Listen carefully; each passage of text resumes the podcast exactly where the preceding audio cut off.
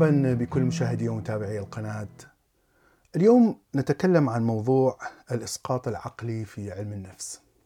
الإسقاط العقلي يعني بأننا نعطي لأشياء أخرى أو لشخصيات أخرى جزء من شخصيتنا أو جزء من مشاعرنا أيضا أو حتى الصفات التي تكون شخصيتنا قد نسقطها على الأشخاص الآخرين أو على أشياء.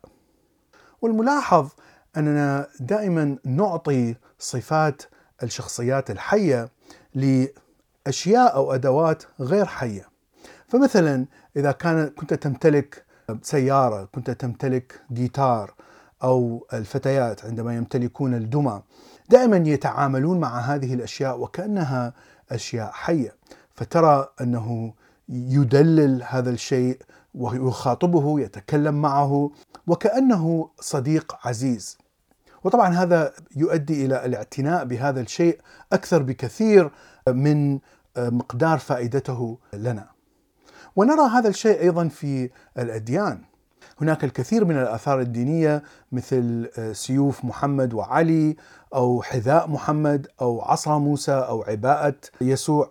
أيضا ترى المؤمن يضع أهمية كبيرة وقدسية هائلة على هذه الآثار حتى وإن كان الأثر نفسه ليس فيه فائدة كبيرة أو لا يوجد حتى دي إن اي متبقي من هذا الأثر مثلا حتى نستخرج الدي إن اي صاحب هذا الأثر.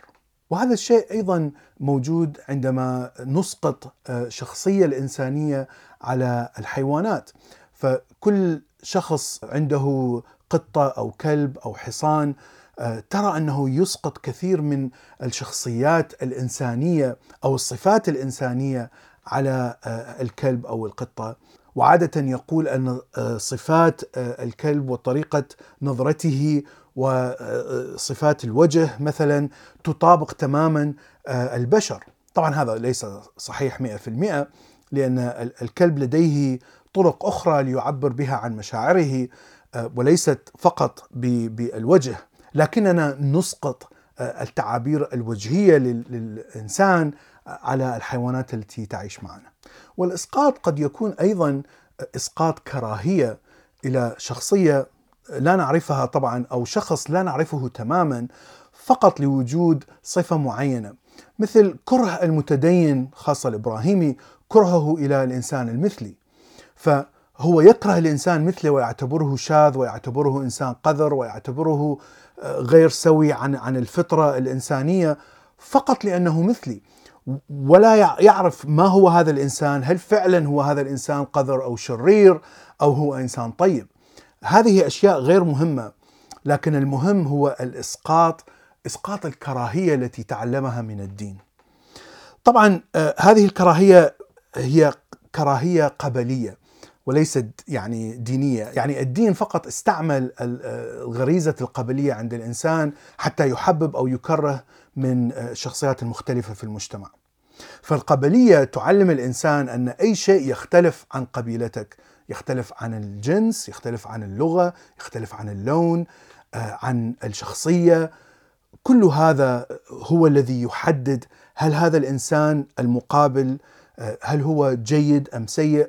هل هو خير؟ هل أستطيع أن أتعامل معه بدون حذر وبدون شك أو يجب أن أتحذر منه؟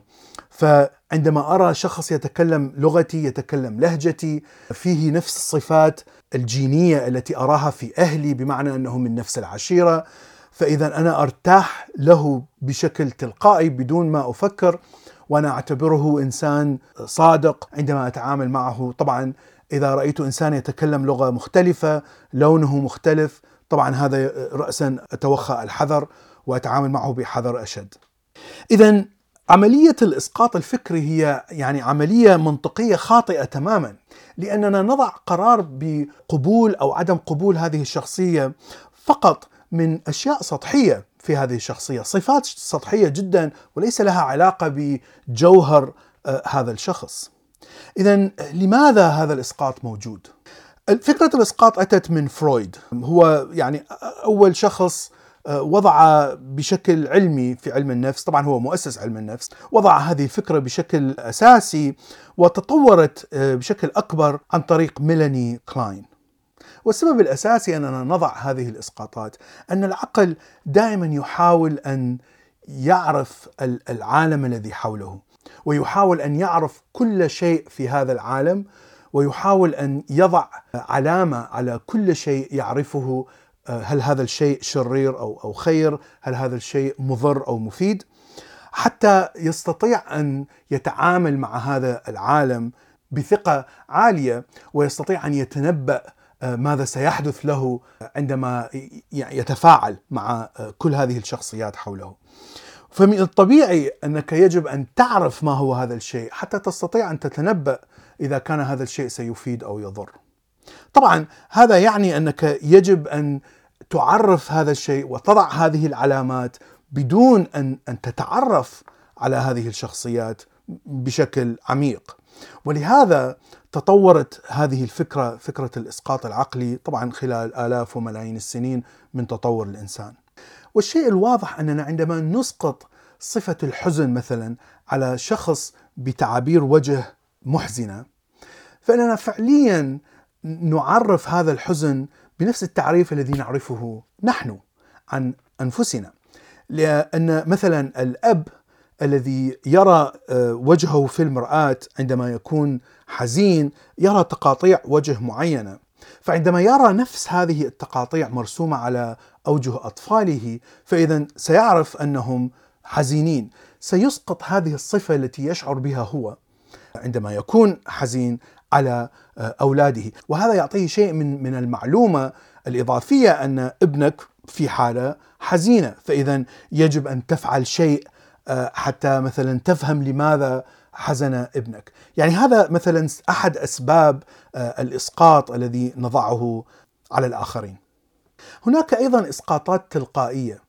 فمثلا إذا ترى هناك صديقين إذا كانوا جالسين ويلعبون مثلا أحد الجيمز فقد يفكرون بنفس الأشياء أو يفكرون بنفس الأفكار آه، التي تساعدهم على مثلا الفوز بهذه اللعبة. فهنا يحدث شيء من التلقائية الإسقاط التلقائي ما بين الاثنين. طبعا قد لا تكون الفكرة بالضبط هي نفسها لكن الاثنين يشعرون بأن هذه الفكرة هي نفسها وكأنها انتقلت بدون أن يتكلم الاثنان. وهنا قد تجد شخصين في تناغم كبير بحيث هو يستطيع أن يشعر بمشاعر عميقة للشخص الآخر فقط من نظرة العين مثلا أو فقط من ابتسامة معينة قد تكون ابتسامة ما يقال ابتسامة صفراء بمعنى أن الشخص يشعر بسخرية ولا يشعر بالسعادة مثلا أو الراحة النفسية. فيحصل هناك تناغم كبير ما بين الاثنين، لكن هذا التناغم تطور من الإسقاط البسيط بين بين هؤلاء الشخصين، وهذا نلاحظه بشكل واضح جدا ما بين الأم والطفل.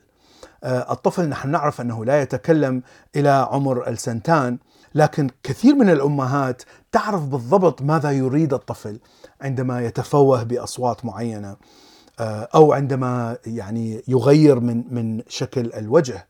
فهنا الأم في تناغم كبير مع الطفل وفي أغلب الأحيان فقط الأم تستطيع أن تعرف آه، ماذا يريد الطفل. هناك نوع من الإسقاط ما يسمى بال projective identification أو إسقاط تعريفي. وهذا يعني أن الشخص يشعر شعور معين يسيطر عليه يحاول إسقاط هذا الشعور على الشخص المقابل. ومن ثم يقول أن الشخص المقابل هو الذي يشعر بهذا الشعور. فمثلا عندما يتعارك الرجل والمرأة فإن الرجل إذا أصيب بغضب كبير قد يسقط هذه حالة الغضب على المرأة فيحاول أن يثير غضب وعندما تغضب هذه المرأة فإن الرجل يقول أنت السبب أنت بدأت بهذا العراك لأنك آه، تغضبين بسرعة. وهذا الشيء هو يعني هجوم آه، سادي من من الرجل أو من الشخص الذي يفعلها لأنه فعليا يحاول أن يدفع بتهمة من بدأ بالعراك إلى الشخص المقابل أيضا تراها بين مريض وطبيب. إذا قرر الطبيب أنه لا يستطيع أن يساعد هذا المريض ويقترح أن المريض يذهب إلى طبيب آخر مثلا فقد يتهم المريض الطبيب بأنه يؤذيه قد يؤذيه ضربا أو يؤذيه بتحرش معين، طبعا كل هذا لم يحدث.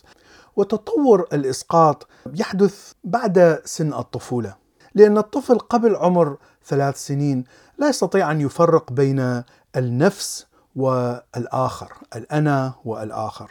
لكن طبعا عندما نتقدم بالعمر فإننا نضع دائما آراء شخصية لكل الأشخاص الذين حولنا ونحاول حتى أن نعرف ما هي أهدافهم لأنها قد تختلف عن أهدافنا أو تختلف عن الأشياء التي نريدها نحن.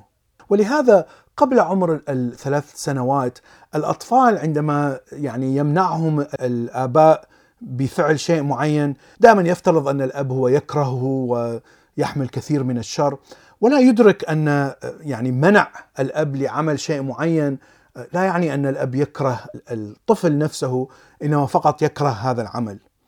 فنلاحظ أن الأطفال الذين أنضج بقليل من الثلاث سنين يفهمون هذا هذا المبدأ.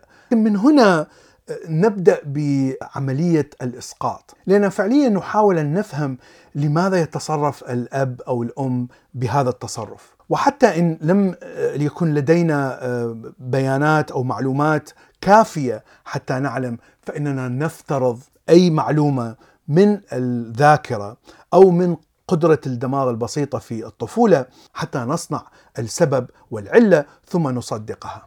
وهنا تبدأ هذه فكرة الإسقاط بالتطور، حتى بعد أن ننضج ونكبر نلاحظ أن وهذه أثبتت بالتجارب يعني كثير من الدراسات أن فكرة الإسقاط في علم النفس كوسيلة للدفاع أو كوسيلة لفهم العالم حولنا هي شيء عالمي موجود في كل البشر وحتى البشر المثقفين الذين يعني يقرؤون علم النفس ويفهمون المغالطات المنطقية إلى آخره لكن فكرة الإسقاط تأتي بشكل سريع وبشكل تلقائي ونرى أننا نضع قرارات معينة وحتى ممكن أن نتخذ إجراءات معينة فقط لوجود هذا الإسقاط الشخصي على الأشخاص الآخرين.